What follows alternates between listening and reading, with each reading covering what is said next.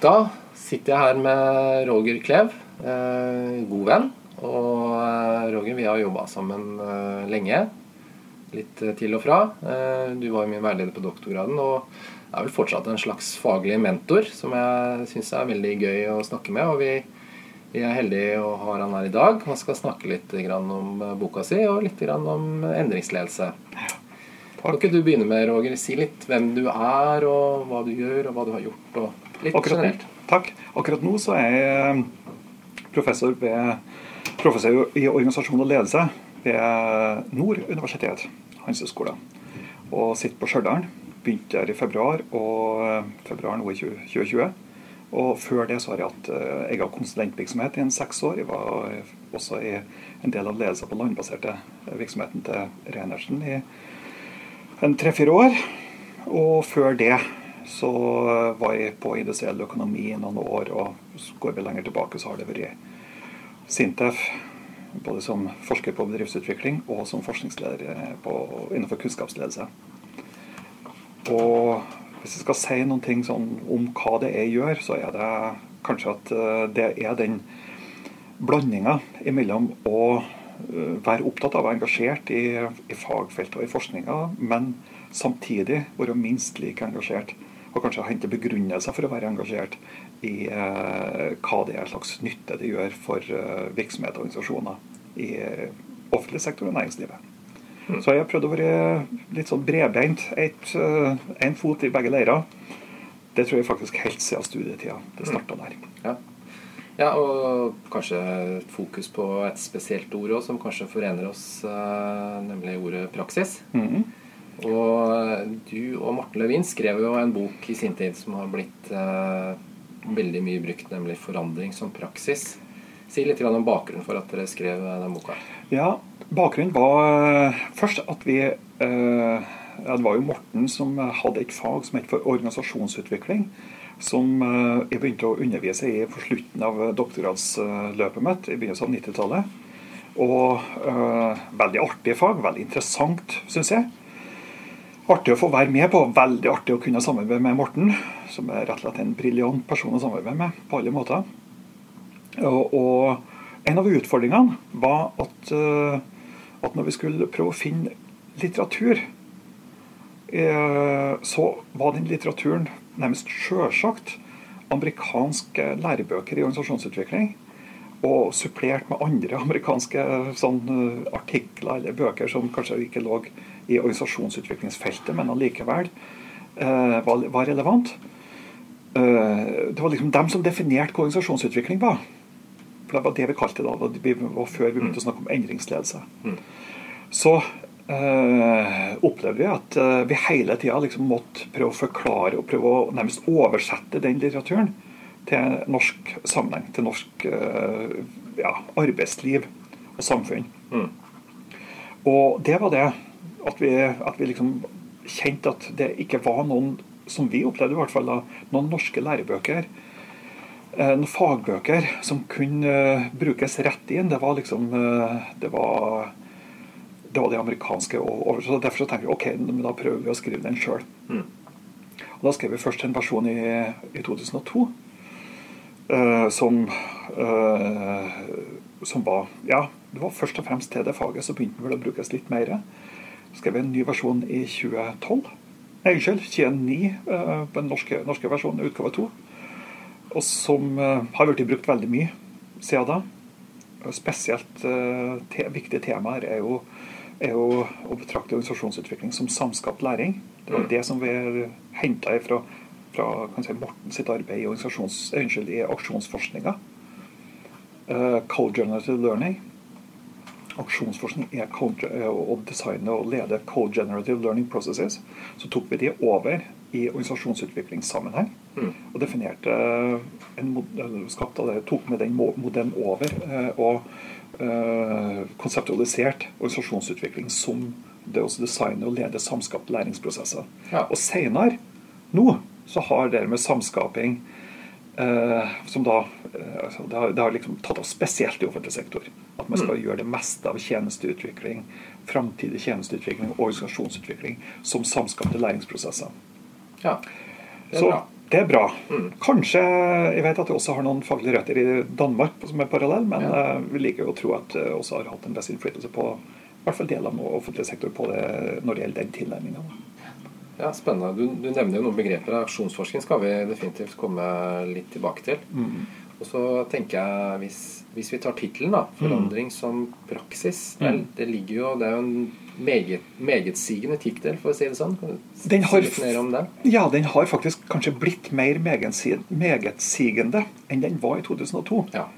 Eh, fordi eh, at, eh, at da hadde vi da hadde vi ganske enkelt en, en, en forståelse, altså ønska å presentere en forståelse som var knytta til sånn som folk opplevde organisasjonen opplevde endrings, endringsprosesser, og, altså, og relatert til liksom, den norske konteksten. Og det var jo eh, det, var jo det at, eh, at den skulle ha den tilknytninga der, og være relevant der. Det var det som, som var det drivende. Og nå så har jo, gjennom forskjellig innflytelse, så har jo både fra kunnskapsledelsessida, kanskje vi går tilbake til, til Donald Schøn og Reflective Practitioner òg, så har, har den praksis Det har jo hatt visse praksisbegrepet har det jo hatt visse røtter inn her, men det har jo liksom tatt av med de siste årene der man, eh, der man eh, prøver å erstatte sånn mer mekaniske eller strukturelle, rigide strukturelle begreper. Eller sånn klare rutiner med å snakke om en utøvelse. altså I stedet for å snakke om en strategi, så snakker vi om det å forme strategi. Strategizing. I stedet for en organisasjon så snakker vi om organizing, altså som en løpende prosess. Eh, og den måten å tenke på, den har uh, altså influert mange flere områder.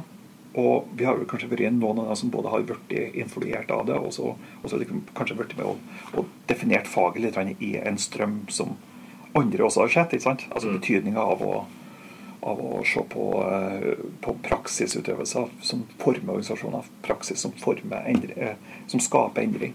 Mm. Um, så um, den har blitt mer Tittelen har kanskje blitt mer megetsigende Mm. Nå, for det er ganske mange som er opptatt av den samme type tema. Mm. Ja, og så tenker jeg kanskje at den sier noe om angrepspunkt i organisasjonen òg. Det er kanskje noe av det som jeg syns er, er mest Noe av det som kanskje er mest faglig interessant med det. Det er at, eh, at eh, det er kanskje ikke knytta til endringsledelse, men kanskje knytta til organisasjonsteori. Ja. For måten vi forstår en organisasjon på Altså måten vi forstår en organisasjon på, og hvorfor den er som den er, det er jo med på å, på å forme hvordan vi tror at den skal forandres, eller Ja. kan forandres. Ja. Så hvis vi tror at den er sånn fordi at noen har bestemt at den skal være sånn, sentralt, ikke sant? hvis det er organisasjon, ja, så vil endring bety å bestemme noe annet, og bare, bare gjøre det. Ja. Mens hvis vi tenker på organisasjon og har en teori om organisasjoner som at de blir forma av uh, at folk drar på arbeid hver dag og gjør jobben sin, og måten de gjør jobben sin på, og måten de løser problemer på, måten de endrer og bruker og utvikler rutiner og praksiser på, at det skaper organisasjon. Hvis vi tenker at det er sånn organisasjoner blir til, så er det også veldig naturlig å tenke at det er sånn endring organisasjoner også må, må tenkes. Mm. Så det er en veldig sånn sammenheng mellom hvordan du forstår hvorfor en organisasjon er som den er, og hvordan du forstår hvordan den endres. Mm. Så eh, det er akkurat det som du sier. Det er, handler veldig mye om ståsted. Tar vi ståsted til dem som er i organisasjonen, Mm. og så sier at det, det, er, det er deres utgangspunkt? Mm. Eller tar vi ekspert, ekspertblikket Ja. utenfra Ja. og sier at vi ser hva som er galt? Nå skal vi fortelle dere eh, hvordan dere skal endre, og sånn gjør dere. Mm. Det er en helt annen tilnærming. Mm. Så det ligger noe annet som vi kanskje hekter på nærmest før du spør. Ja. Og det er jo det at, eh, at eh, i den ordtradisjonen, ikke minst i den, eh, i den eh, norske arbeidslivstradisjonen, så er jo, har vi også den oppfatninga at, at det ikke bare er praktisk nyttig at folk er med på å forme sin egen altså sin egen arbeidshverdag. Mm. At de er med på å påvirke arbeidssituasjonen sin. påvirker hvordan uh, organiseringa skal fungere. Det er ikke- bare nyttig, for det er det. Det er nyttig veldig, veldig veldig ofte. Mm. Det er ikke alltid, men veldig ofte. Men det er også en demokratisk verdi. Ja. Og så sier jeg det at eh, vi kan, ja. ikke sant? Ja. Så at man kan liksom ikke si at, eh, at eh, hvis vi er et demokratisk samfunn, så er unntaket for å, for å være en demokratisk aktør, så er aktør i et demokratisk samfunn, at det skal liksom stoppe arbeidsplassen. Mm. Det er klart at, uh, at uh, arbeidslivet er en del av samfunnet. Og en eller annen måte Mm. så vil et uh, godt samfunn og et demokratisk samfunn, hvis man først har det som, et verdi, som en verdi, så må vi også finne ut ja, hvordan skal vi klare å, å ta med den verdien inn i arbeidslivet under, samtidig under den, eh, den forståelse av at, eh, at eh, du også har at organisasjonen er et virkemiddel for verdiskaping. Du har styringsretter og alt det der. Mm. Så skal har også den demokratiske sida ha en plass. Ja. Og i dag så er jo noe av den medvirkningsprosessen styrt av trepartssamarbeidet. Sånn, vi har jo noen strukturer som bidrar i, Mm. i god retning, skal vi si det sånn. Ja. Det er, det, der er jeg Der tror jeg er noe ting som, eh, som uh, eh, Jeg tror generelt at vi setter altfor lite pris på oss. vi ikke, vi har, Hadde vi tenkt over det mer, hadde vi reflektert mer over Mm. hvilken betydning det har, så tror jeg jo at vi hadde verdsatt det enda mer. Nå registrerer vi mer. Ja. som slags, Ja. Det er sånn vi har det. Det er vår måte å gjøre det på. Ja. Men at det er veldig, veldig verdifullt, det er Det må vi kanskje se uh, sammenligne med der det er fraværende. Mm. Så ja. kanskje vi gjenkjenner ikke sant? ja. Ja, jeg, hvis vi har plass for en historie Kjør på. så var det rett etter finanskrisa så skulle vi studere noen endringsprosesser og bl.a. et konsern som har så mye virksomhet i Nord-Amerika. Og så fikk vi anledning til å besøke og ba om, da, om å ikke bare se på endringsprosessene som har skjedd liksom strukturelt i, i, i, på selskapsnivå, sånn konsernnivå, men uh, se også få møte uh, folk i en av fabrikkene. Mm. Altså ledelsen for fabrikkene med, og, og medarbeidere der. De er ikke tillitsvalgte der. Og, og uh, vi, snakket, vi ba om å få snakka med kanskje en sånn åtte-ti Mm. ansatte. Og når vi hadde den samtalen, Dette det var liksom en, en klassisk produksjonsvirksomhet i en av sørstatene Og når vi snakka med dem, så var det Jeg snakka med de ansatte, så var det gjennomgangstonen. Det var så til de grader ah, Før var kanskje ikke ting så bra. Nå er det så bra. Det er, Ja. ingenting, det er absolutt ingenting som kan bli bedre. Alt er så bra. Alt er helt eh, strålende. Og, og hvis det er noe du vet, det er at normalsituasjonen i hvilken som helst virksomhet er ikke sånn. Mm. Ja. Så det var liksom, det her var helt klokkeklart at eh, de ikke satt der og sa akkurat hva de tenkte. Ja. Og, eh, og jeg lurer på hva er det som eh, Hva handler det her om? Er, det, er det en generell sånn De mener at de skal gjøre det, eller hva er det for noen ting? Mm. Så, og sånn får man jo aldri vite hva som er inni hodene på folk. Men en veldig viktig brikke ramla på plass når jeg fikk høre at uka før så hadde 50 blitt oppsagt. De hadde fått beskjed på mandag og var ute på onsdag. Mm. De har ikke noe annet alternativ arbeid. Dermed mista de eh, kom de til å miste eh, sannsynligvis både helse og helseforsikring. Og, og sannsynligvis etter hvert huset hvis det ikke, hvis det ikke skjedde noe dramatisk. Mm. Positivt dramatisk. Og eh, det er klart at de som satt der, de visste at 50 hadde mista jobben forrige gang. De visste at det kom så kom nye 50. som skulle si det. De har aldri i verden lyst til å prate seg fram i køa over hvem det var som kom til å bli sagt opp neste. Ja. Ja. Eh, de var totalt maktesløse Ja. i forhold til det som foregikk. Og det er klokkeklart at, eh, at eh, da det, på, det her påvirker folk. Sant? Mm. Og så, eh, sånn at, eh, De har ikke noe fagforening, de har ikke noe sikkerhetsnett, de har ikke noe offentlig som fanger opp. ikke sant? Så de var rett og slett nødt til å gjøre absolutt det de kunne for å prøve å klamre seg fast til den jobben der. Og det inkludert å absolutt ikke komme med noen ting Mm. som kunne minne om kritikk. Dermed heller ingenting som kunne gi impulser til forbedringer. Mm. Og du verden hvor glad vi skal være Ja. for at vi har et arbeidsliv der det er tilstrekkelig sikkerhetsnett, der det er tilstrekkelig maktfordeling til at man diskuterer hele tida fritt, mye friere grunnlag om hvordan ting kan forbedres. Mm. Du verden hvor eh, annen type forbedring og endring, organisasjonsutvikling, du kan sette i gang i et sånt system enn der, eh, der det oppstår en krise og som har så dramatiske konsekvenser for, eh, Mm. for enkelte grupper i organisasjonen. Mm. Så det var en sånn Du verden. Ja, hvor, skal- hvor bra vi har det egentlig, kanskje. ja. Ja, kjempe. Mm. Og eh, vi er jo glad i å snakke om den norske modellen, eller den skandinaviske modellen, i mange sammenhenger, egentlig. Um, er den overførbar? Ja, hva tror du? Den eh, Altså, i og med det, det, det er mange refleksjoner rundt dette her, ikke sant? Mm. Eh, det, eh, som, som noe er overførbart. Jeg vet ikke, hva, hva har du tenkt på? Jeg har tenkt eh, at uh, i noen grad er den overførbar. Og det handler om hvem vi er. Hvem vi liker å være. La oss si som, som nordmenn. Så er vi jo, vi er jo glad i å være med og bestemme. Og Vi er glad i demokrati. Mens andre kulturer har det er jo med, Veldig med bred pensel, selvfølgelig, men uh, noen kulturer vil nok kanskje ikke trives i en sånn setting, da. Hvis vi, Nei, også hvis vi har tenkt sånn, sånn Gert Hofstede sine, sine studier sånn om, eh, om ulike sånn, påstander, eller studie da, empirisk, om eh, forskjell på nasjonalkultur, så kan vi si at vi liker lav, lite avstand i makt. altså Vi liker at det skal være lav eh, maktavstand. Eh, mens andre syns det er helt naturlig at det er mye avstand imellom. Ja. Det er noen som bestemmer, og noen som det blir bestemt over. Men jeg tenker òg at, vi, at, eh, at eh, at vi har liksom ikke hatt den, kanskje det samme klassesamfunnet som mange andre Ja. som er med på å lage den. Den eh, aksepten for avstand, selvfølgelig.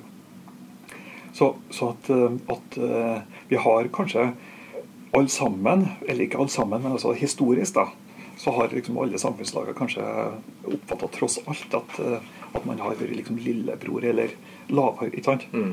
Man har ikke hatt noen sånn permanent overklasse av betydning.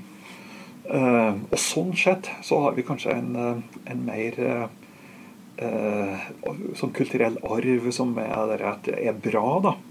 At det er bra å, å eh, eh, å kunne henvende seg til hvem som helst, i hvert fall i samfunnet, på altså, u, altså At alle sammen skal ikke være utilgjengelig, liksom. Mm. sant? Ja. De kan være tilgjengelig for klage, kan være tilgjengelig for motmakt. Nå er det selvsagt ikke, ikke vært sånn i, i norsk eh, samfunnsliv heller opp igjennom, vet jeg. Men, men vi har liksom ikke hatt den, den klart definerte som adelen eller overklassen. og Nei. ikke noe, Til og med ikke noen kjempestore kapitaleiere. ikke sant? Nei, det ligger nok noe der. Det har de har, liksom ikke. Jeg snakka med en uh, direktør i, uh, i morges som er uh, sjef for et firma i Sverige. Og han sa at det var en drøm å lede svensker, sånn. Ja. For de er lojale. Var det en kontrast til noe? Ja, det var kanskje en kontrast til hvordan vi er, jeg vet ikke. Men uh, det var ikke meningen at vi skulle snakke om kultur. Men jeg har hørt av uh, f.eks. amerikanere som kommer hit til Norge, og her er vi glad i å snakke oss igjennom i en sånn lederrolle. Men han forventa litt mer trøkk og litt mer utfordring og litt mer kraft, og det å tørre å si fra, kanskje. Så Det var en eh, litt morsom historie, syns jeg, når en, altså en, et norsk konsern eh, tror jeg lar være å bruke navn uansett om det ikke Ja, er hemmelig. Mm. Et norsk konsern som kjøpte, kjøpt seg opp stort internasjonalt i rundt eh, to, år 2000. Altså gikk ifra å være et typisk norsk stort konsern til å bli et internasjonalt konsern på veldig veldig kort tid. Og kjøpte seg opp stort. Og så fikk vi anledninger gjennom noen uh, ulike uh, eh, utviklingsprosesser og sånt å møte også noen av de utenlandske, altså tyske ledere som hadde blitt en del av det norske, norskeide selskapet. Og fikk eh, også reflektere over eh, både over prosess, eller altså over det å bli eh, norskeid, og, hva, og hvordan de oppfatta norske ledere. Og det var ganske artig. Eh, Det er jo ikke noe statistikk her, men det var ganske artig likevel.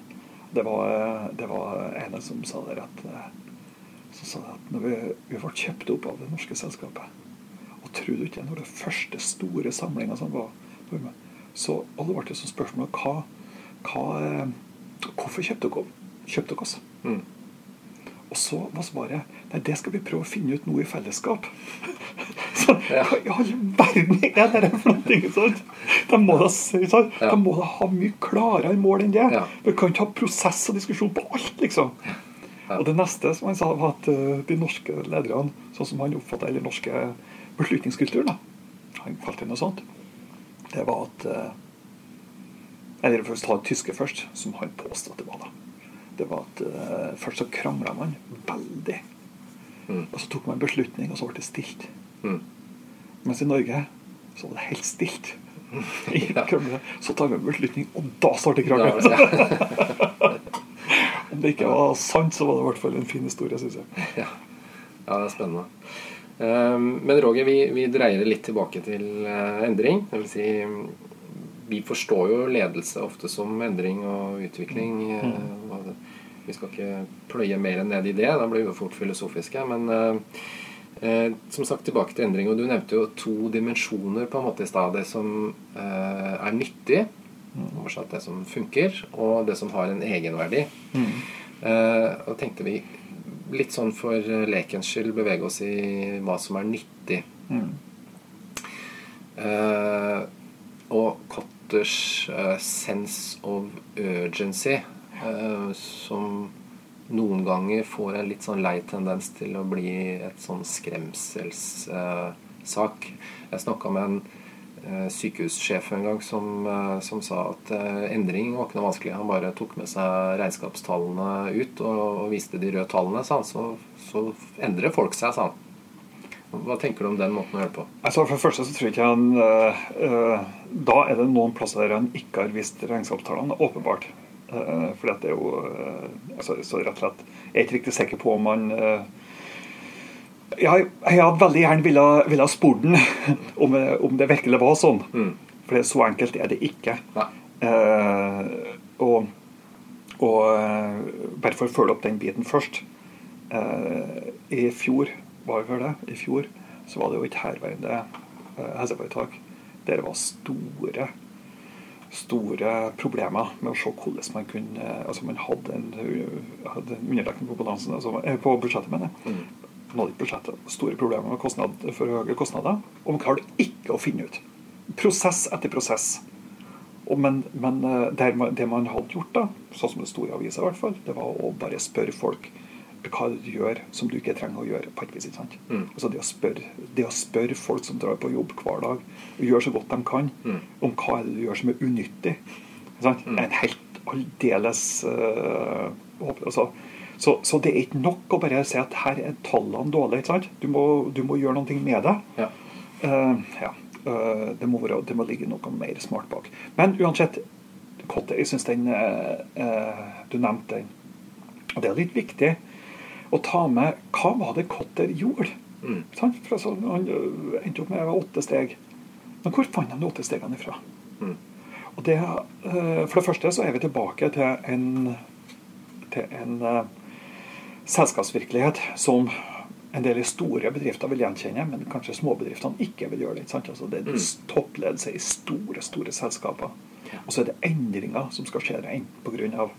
at eh, altså For å si det sånn, eh, man går ifra fra en type dominerende teknologi til en annen type dominerende teknologi. Mm. Eller at du har en eh, at, altså, altså at du får et eh, bortfall av et marked, men du må liksom over på en helt annen markedsmulighet. Eller det kan være eh, altså det kan være eh, ønske om å skjære ut nye virksomheter. Altså store strukturelle endringer, store omstillinger. Det er det han har studert. Og så har han så, så, så gjorde han et veldig bra arbeid. da? Han gikk gjennom så så alle de der som ikke fikk det til. Hvorfor fikk de ikke det? Mm. Jo, det er forskjellige årsaker. Mm. Og de forskjellige, altså, som er gruppert da, i åtte årsaker til at man ikke fikk det til. Det Mm. driver da altså å bli råd for hva skal du gjøre for å få det til. Mm. Og da er det klart at da har han forska på hvorfor noen som har hatt tvingende nødvendige omstillinger, ikke har klart å få det til. Sant? Så det blir veldig sånn negativt på et vis. ikke sant? Mm. Eh, Negativt, sånn, en- Empirien henta fra, fra negative ting. Og, og da så blir eh, kan si, sense of urgency blir sånn helt åpenbar. Det, gjelder- altså, og det er definitivt ikke noe spesielt med Kotter der. Men, men, men, det er jo klart at, at, eh, at noe av det som, som en ser, da, det er at det er noen som ikke har skjønt alvoret. Mm. Det henter jeg fra empirien Ja. Og så vrien det. Ja, de må skjønne alvoret. Ja. Men, men for å illustrere for en verden han har henta det fra, så hørte jeg på et lydbånd eller sånt. Jeg husker ikke akkurat hva det var. Men i hvert fall der har han brukt et eksempel sjøl på hva skulle du gjøre hvis folk, hvis virksomheten ikke skjønte uh, viktigheten, altså hvor, hvor bråttom det er. Sense of urgency. Mm. Så sa han at du kan f.eks. kutte i flåten av business jets. jets. Færre Altså kutte i flyflåten når det gjelder uh, hvor mange fly selskapet skulle ha. Da skjønner folk at nå skal vi gå ifra fra seks Vi har ikke råd til mer enn tre business. For en verden der er! Mm. Hvem er det som er den type verden? ikke sant? Mm. Det er der han henter, det er der han har henta empirien. Mm. Så betyr ikke at det blir irrelevant. altså Det har en generaliserings... Men, men allikevel så, så, må vi ta, den, ta dere inputene for det det er. Mm. Ja. Og Det er altså læring fra store selskaper som ikke har lyktes mm. med, med, store omstillingsprosesser. Ja, for det blir jo mye brukt? Veldig mye brukt. Og, og en av grunnene til det er jo at, at hvis du ser på alle punktene hans nede der, som skaper allianser eller altså det er jo, eh, altså forskjellig eh, Det er jo ingen av oss som er dum. Det er mm. klart, Du, du trenger ikke, du trenger ikke å bla noen forskningsartikler i hele tatt for å gjenkjenne at dette vil være viktige punkter. Mm. Eh, så det er en kombinasjon med at det er empirisk basert, men også at det er åpenbart fornuftige ting men du må bare oversette. ikke sant? Mm. Du kan ikke han presenteres som en slags pakke med åtte steg. Ja. Ja. Eh, og, så, og, så, må vi lese det, trekke pusten og gi hverandre blanke i at det står formulert akkurat sånn, men ta ut essensen. Hva er det? Mm. Og da, er, da, da, tror jeg at, at eh, f.eks. sense of urgency. Mm. Eh, hvis vi tar som utgangspunkt at folk drar på arbeid hver eneste dag og gjør så godt de kan, mm. eller at i hvert fall på et eller annet tidspunkt prøvde de det. Mm. Så de ikke har gitt opp. De drar på jobb og prøver å gjøre så godt de kan. Og det de gjør, det er det beste de får til. Sånn og sånn. Så hvorfor i all verden skal de gjøre noe helt annet i morgen? Uh, det, altså, det vil være fullstendig stupid om vi hadde en organisasjon befolka med folk som, som, bare hopper og gjør ting på nye, på nye måter hele tida. Nærmest bare fordi noen sier det. Ikke sant? Eh, det er klart at vi har sett med masse erfaring for at noe funker, noe ikke funker. Noe samarbeid er bra, noe samarbeid ikke er bra. Noen ting er viktig. Vi sitter med masse erfaring. Mm. Det er klart at Vi som jobber i den organisasjonen, vi hopper ikke og gjør noe nytt bare fordi at det kommer en eller annen type melding fra, fra sjefen på et vis. Mm. Vi, må, vi, må, tro på at det er viktig. Mm. Vi må tro på at det er behov for det. Mm. Vi får til noe mer, får til noe bra, eller det går til helsike hvis vi ikke gjør det. Mm. Men en eller annen sånn type greier sant, må vi ha for å begynne ja. å tenke ja, vi kan ikke gjøre det samme. Ja. Ellers er det fullstendig rasjonelt å gjøre akkurat det samme i store trekk. Ja, ja. Mm. Og bare tanken på bare tanken, Tenk deg tenk om, om eh, Det er jo ingen som kan ønske seg en organisasjon bestående av kollegaer og medarbeidere som, eh, som ikke har noe motstand i seg for å gjøre mm. nye ting. Bare noen sier ah, skal vi sånn, sånn, Ja, nå gjør vi noe helt annet. Glemmer vi det, vi, det som funka i går. Det er klokkeklart at, eh, at eh, det, vi ville ikke ha hatt en sånn organisasjon. Vi må ha en grunn. Men det elementære i bunnen, det er ikke noe verre enn det. Så hvordan, hvordan grunn skal f.eks. Eh, de på det helseforetaket Hvilken grunn skal de ha for, for å gjøre noe altså, for det første så, så må det må bygges på, på den forståelsen, i hvert fall start med, den forståelsen de har av ting som funker og ikke funker. Uh, det, du kan ikke forvente at de skal slutte å gjøre ting som de opplever funker, uten at de uh, mm. Så, så må basere deg på den type forståelser, ja. og så må du begynne å jobbe derifra.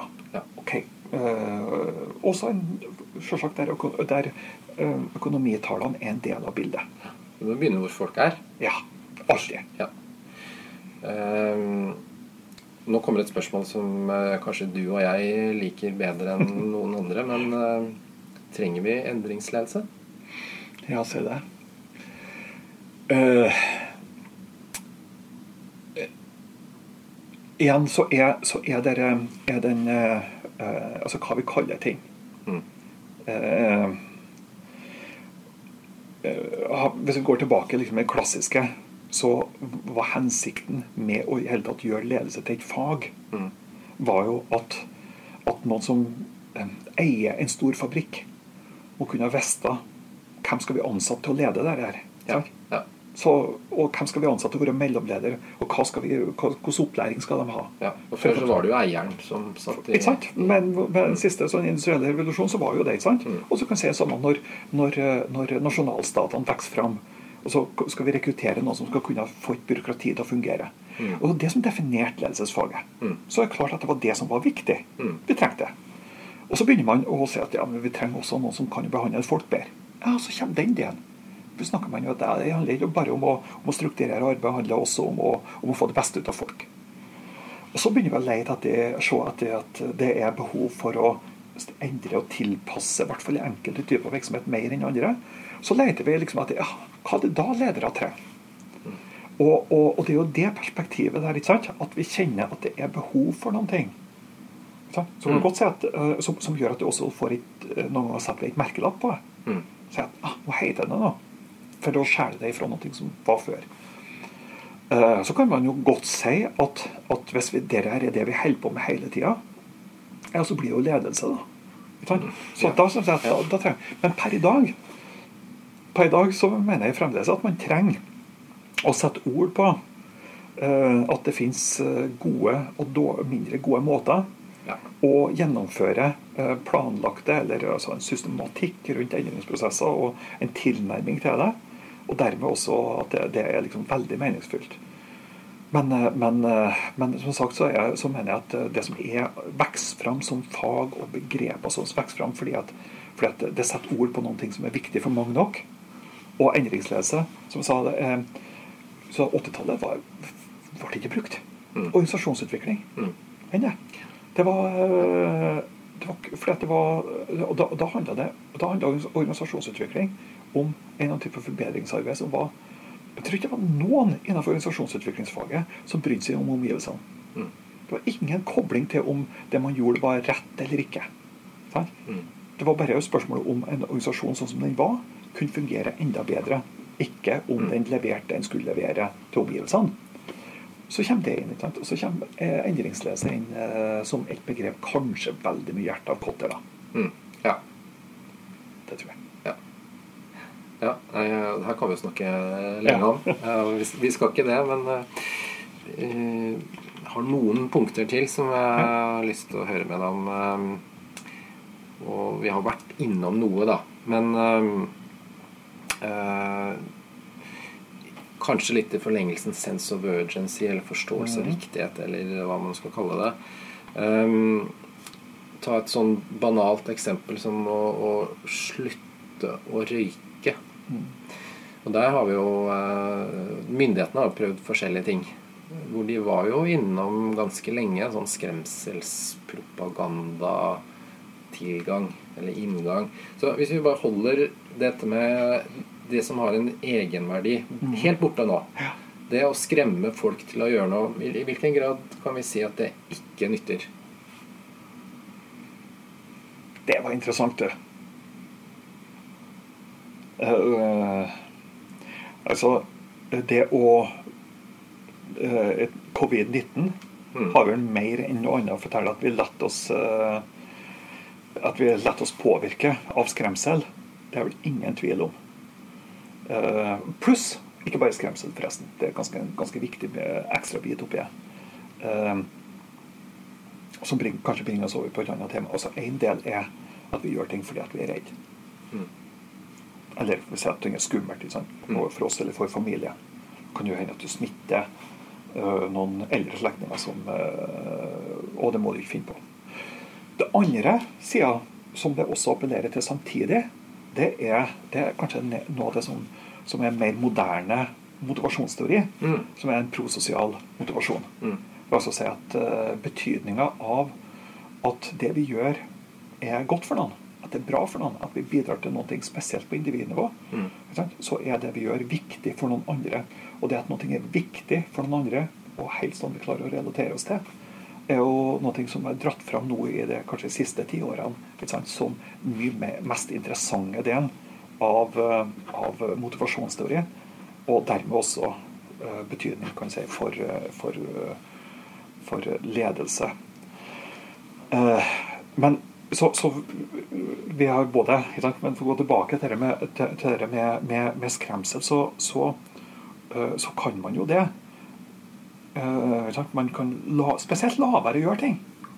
Bli passiv pga. det. Mm. Men, eh, men eh, det, å, det å gjøre ting som er veldig bra, veldig skapende Det kan selvsagt være sant, sulten for å spille god rock, liksom. Men altså, eh, eh, likevel så tror jeg at, at, at i forhold til, til det skapende og utviklende, så er det veldig vanskelig å skremme det på plass. Ja. Hvis, ikke, tør- ikke sant? Hvis det verste du kan gjøre, er å gjøre en feil. Mm. Hvis det er sånn øh, øh, Det er altså, det er jo den klassiske kan si, øh, Å lage til en kultur som Hvis gå går tilbake til Archers skjønner jeg, en kultur som hindrer læring. Mm. Så er det jo bare å begynne å straffe folk øh, for å gjøre feil. Og de blir redd for å gjøre den feilen. Og det innarbeider den skrekken for å gjøre en feil. Og den skaper jo kanskje på noen måter færre feil, men den skaper først og fremst inaktivitet, så du ikke gjør noe riktig heller. Mm. Så du kan påvirke folk, Ja. men du skal være rimelig forsiktig med å ha det som en, eh, som en strategi hvis du vil skape noe. ja, nettopp. Ja. Ja. Bra svart. Jeg har jo holdt på litt med idrett i det siste, og det slår meg jo spesielt kanskje i fotball eh, at lederfilosofien er å holde eh, spillerne på tå hev, for ellers er de ut. ja. Men skal vi nå først ta inn fotballen, så var jo dere med, det med en altså, Eggen har jo sagt omtrent alt. Ja. Ja. Også kan jo si, jeg et sitat fra han på at du kan ikke skremme noen til å, være, til å bli god. Det er også et et Ja. sitat derifra. Ja. Uh, jeg lurer på noen ganger på om han gjorde det, men I hvert fall temperament nok. Men, uh, men det er jo et av de poengene altså at, eh, at prestasjoner det, må, det, det er noe helt annet enn, eh, enn å få folk til å la være å gjøre ting. Ja. ja. Yes. Det var veldig bra. Eh, interessant. Eh, vi nærmer oss eh, slutten, både for oss og for eh, de som må høre på, eller skal høre på.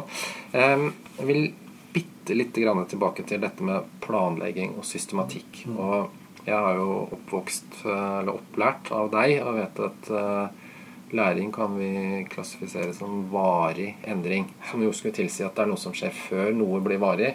Som igjen skulle tilsi at en, en viss form for linearitet må det være i denne planlegginga. Hvordan, tenker du hvis du skal planlegge en sånn prosess? Ja uh, uh, uh, for, altså, Planlegge en prosess er jo egentlig en ganske bra bes beskrivelse der. ikke sant? Mm. Altså, Hva er det du planlegger for? Ja.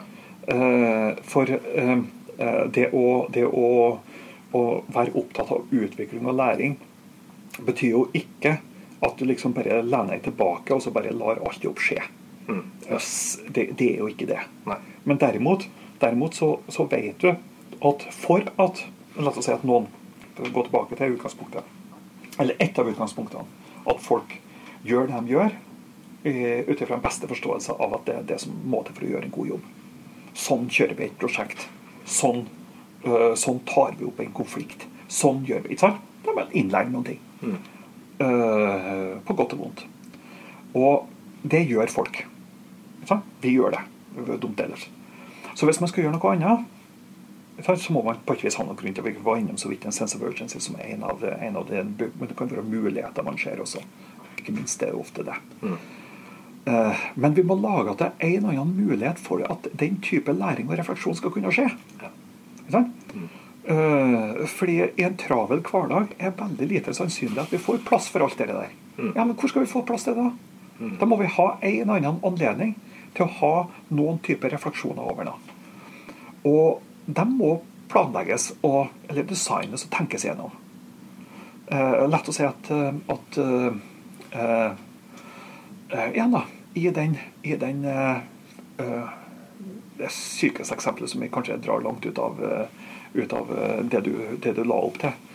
Eh, men la oss nå si at, eh, at hvis du skulle ha tenkt der, da, og ikke trodd på at det er nok å bare fortelle dem tallene, så forandrer det seg. Så kan vi ha en antakelse f.eks. om om at det er en annen type koordinering, en annen type samspill, en annen type utvikling. Der vil det være potensial for å gjøre ting enklere, samarbeide om noe utstyr, fordele pasienter på en annen måte, drive med opplæring på et eller annet. Man tror at det vil være det. Sannsynligvis så er det ikke noen ting som hver enkelt kan gjøre, hver enkelt kan gjøre for seg, mm. og at det skal ha en positiv effekt på organisasjonen. Sannsynligvis er noen ting flere burde bli enige om at man skal finne løsninger på. Finne hva løsningene er, prøve til å forbedre. Mm. Men hvordan skal man få til det, da? Når de har det så travelt? Der kommer planleggerne inn. Ja. Vi må gi folk en sjanse. Ikke bare en motivasjon, men en sjanse til å også prøve å forstå hva utfordringene er, få noenlunde forståelse av det, hva mulighetene er, noenlunde felles forståelse av det, og begynne, begynne, å gjøre ting. Det er mye planlegging. Mens, eh, mens derimot det å ha det å ha eh, planlagt i detalj akkurat hva de skal ende opp som, ikke sant? Mm. Hva de skal ende opp med. Ja, det kan jo være noen ganger det òg at det er altså, burde man definitivt ikke ha en prosess, bare så det er sagt. Uh, ja, da vil jeg ta med én ting til. Kjør på. Og det er at, at uh, nå har jeg lagt opp altså, i denne diskusjonen til en, til en hoved underliggende tema som er involvering, medvirkning i, i, i endringsprosesser. Fordi at det er en begrunnelse av at folk er med på å skape seg framtid. Mm. Det er både nyttig, det er demokratisk og alt det der. Ja. Men det er nesten så det må være med òg. At, at uh, det er virkelig ikke sånn at man skal kjøre involverende prosesser på alt mulig. Virkelig. La nå folk slippe ja. bli, bli dratt med på hver eneste lille sak. ikke sant? Ja at det er også en del av ledelse å skjønne hva det er som er rett og slett bare en befrielse å få kjappe beslutninger ja. og bare gjennomføre. Eller ja. hva det vil aldri i verden påvirke likevel. Et eller annet sånt. Mm. Og ikke bruk noe tid på det. Få det fort unna veien. Få det, sant? Så mm. at vi kan bruke uh, de kreftene som er rundt involvering sånt, på ting som betyr noe for oss, og som kan skape noe nytt og bedre. Ja. Og det å vite når er det du skal bare drit i, i involveringa på et vis. ikke sant? Ja. Bare ta Bultunding og kjøre på. Ja. Og når vi skal bruke tid på ja. det er endringsledelse. Ja. Det er praktisk klokskap. Det er praktisk klokskap. Veldig bra. Ja. Det er et veldig godt poeng. Eh, at man kanskje drar i gang en prosess som ikke bør dras i gang. Det er mange som erfarer det. Ja. Så, åh, kan ikke bare få slippe? Ja. enda, en, enda en workshop, liksom. Ja. ja. yes, Begynner å nærme oss slutten, eh, men vi må innom Roger som som du også dro opp helt til å begynne med, aksjonsforskning. Ja. Både som metode, filosofi og skal vi kalle det tilnærming. Ja. Um, bare som bitte liten introduksjon, så er jo amerikanske begreper som ofte trekkes inn, er top down som en mm. slags lineær sak, og bottom up som kanskje noe av det motsatte. Men aksjonsforskning er kanskje ikke i noen av de leirene, eller kombinasjon? eller Si litt om det. Ja, og der er, eh, det tror jeg det enkleste utgangspunktet er å, er å illustrere med, med uh, Igjen, da. Det kommer ifra noen ting. ikke sant? Mm. Det kommer bl.a. ifra at, at vi på enkelte områder har all, altså vi har utrolig mye kunnskap. Mm. Det forskes og det utvikles veldig veldig mye kunnskap. Og så blir det, og så, og så har den ingen, ingen betydning for praksis. Ikke sant? Mm. Uh, det, så det er noe det ene. Hvordan kan forskning være mer relevant? Og det er en viktig bit. Mm. Eh, og så, eh, så, så, så det var liksom som en kritikk av spesielt samfunnsforskninga. Ja. Det er jo spesielt der det kommer fra. Altså Man kunne sitte på verdens beste fakultet når det gjelder å forstå altså innenfor sosiologi eller, eller eh, forstå uh, sosiale forhold. Og rett utafor så er en vedvarende slum i tiår på tiår på tiår. Rett utafor campus. Ja. Eh, totalt uh, uten evne til å egentlig bare bruke ja. den kunnskapen. Ja. Så hva er det som gjør at kunnskap som utvikles forskningsmessig, blir, også blir brukt? Og da er En av det er altså det, da er det to sider som er, som, er, som, eh, som er kanskje hovedpoenget. Den ene er forskningsprosessen som sådan, som sier at la oss nå lære gjennom å prøve ting. Mm. Ikke bare, være, ikke bare sitte på avstand, og så sier dere at her er problemet. Sant? Men se etter om løsninga funker. Mm. Se etter om ting, passer, om ting blir bra eller ikke. sant? En slags mer handlingsretta del. Mm. Uh, men kanskje den aller viktigste biten som, som gjør uh, aksjonsforskninga til noe radikalt annerledes, det er den oppfatninga at uh, når det gjelder samfunnsforskning når det gjelder, sant, Der er det viktig å ta med at det at det er der det kommer fra. Så, eh, så dem som sjøl er tettest på å gjøre noen ting med problemet, gjør noen ting, ikke sant? De kan gjøre det for, for andre ting. De som lever midt oppi Hvorfor skal ikke de være en sentral del av prosessen med å prøve å forstå hva som kan gjøres? Ja. Så, så den handler om å involvere. La oss si at, eh, at, eh, at hvis du har f.eks. Uh, uh, La oss si at du har problemer blant bestemte grupper med innvandrere. La det, det, det defineres som et problem.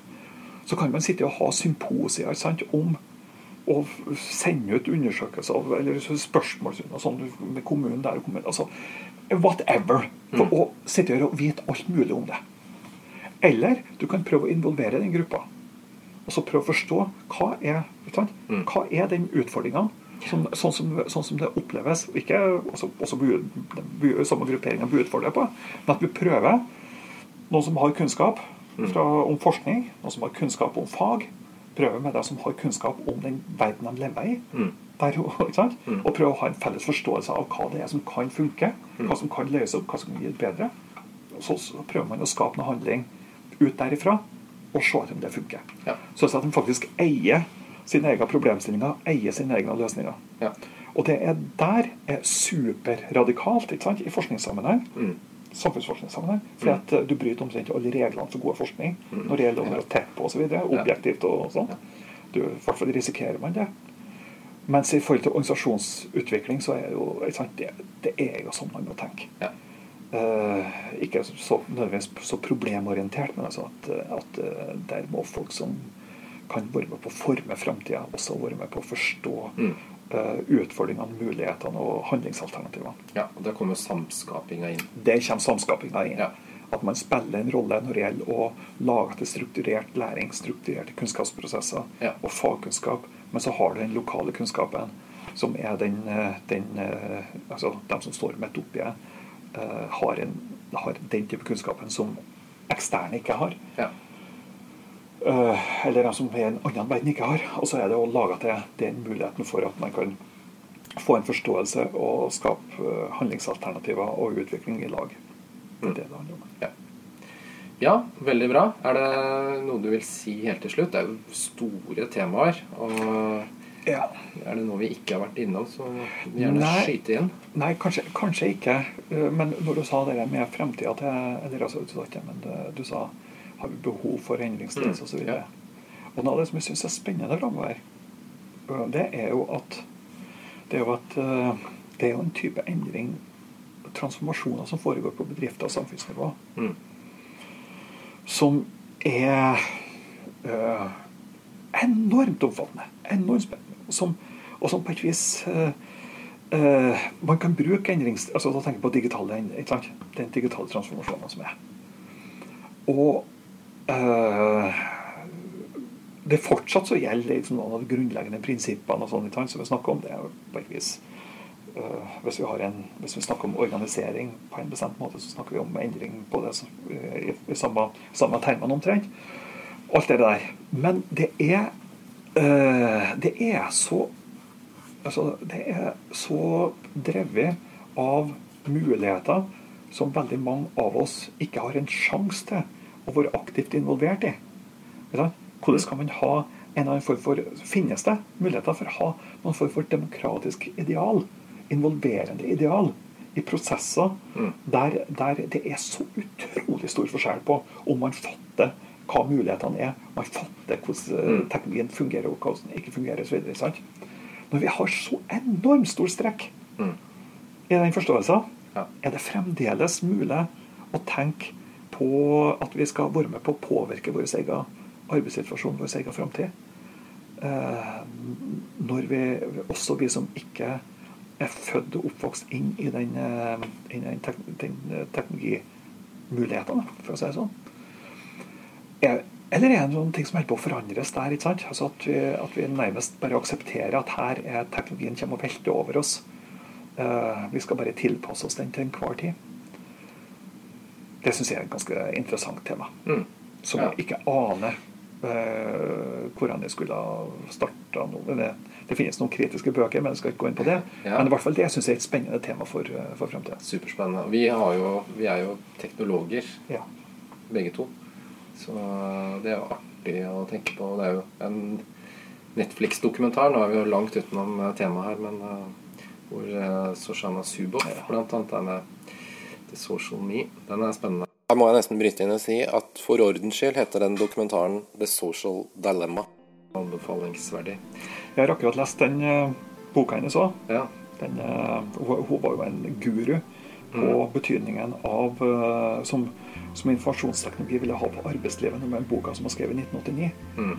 Eller 90, eller sånn. Age of the Smart Machine. Age of the Smart Machine. Og nå er det Age of eh, Hva kaller jeg det? Capitalism. Mm. Ja. Eh, ja. Uh, så hun, er liksom skrevet to bøker med 30 års mellomrom, som er monumentale. Ja. Det er faen meg Ja. altså. Nei, så, så den, er- den er veldig spennende. Det er også kan jeg nesten ta som et sånt både Netflix-tips og lesetips til dem som hører på. Ja. Men supert, Roger. Veldig bra. Det er spennende å snakke med deg. Og jeg vil si uh, tusen takk. Takk for invitasjonen og vel hjem.